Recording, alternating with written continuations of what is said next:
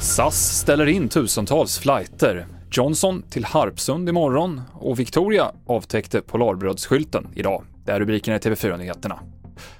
Vi börjar med att berätta att två män har blivit anhållna misstänkta för att ha deltagit i upploppet i Örebro på långfredagen.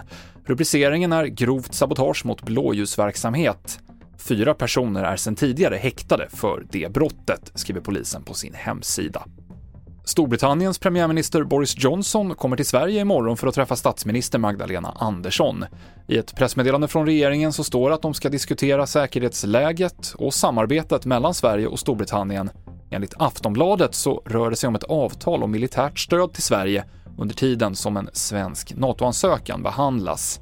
Efter att ha varit på Harpsund så ska Johnson direkt vidare till Helsingfors för att träffa Finlands president. SAS ställer in cirka 4 000 flygningar under maj till augusti, rapporterar Dagens Industri. Orsaken ska vara personalbrist och leveransproblem när det gäller flygplan. Pilotfacket är kritiskt och säger att man har varnat SAS om att det saknas piloter. Vi har påtalat det här löpande under månader. Men man har sagt att det finns tillräckligt med resurser, det är inga problem, vi kommer att klara det här. Mm. Eh, och nu kommer vi till sommaren och man ställer in så många flygningar. Det, Väldigt, väldigt tråkigt för alla kunder naturligtvis. Väldigt, väldigt tråkigt för alla våra kollegor som inte har fått komma tillbaka trots att de skulle kunna vara raskt tillbaka i trafik och, och flyga igen och inte vill något annat än att komma tillbaka och flyga igen förstås. Sa Martin Lindgren, ordförande för SAS-sektionen på Svensk Pilotförening. Och SAS säger till DI att de flesta resenärer kommer bli ombokade till ett flyg som går samma dag.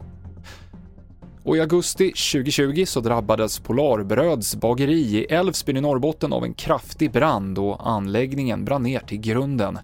Men sen februari så är en ny fabrik på plats och igång och idag så invigdes den officiellt av kronprinsessan Victoria och prins Daniel.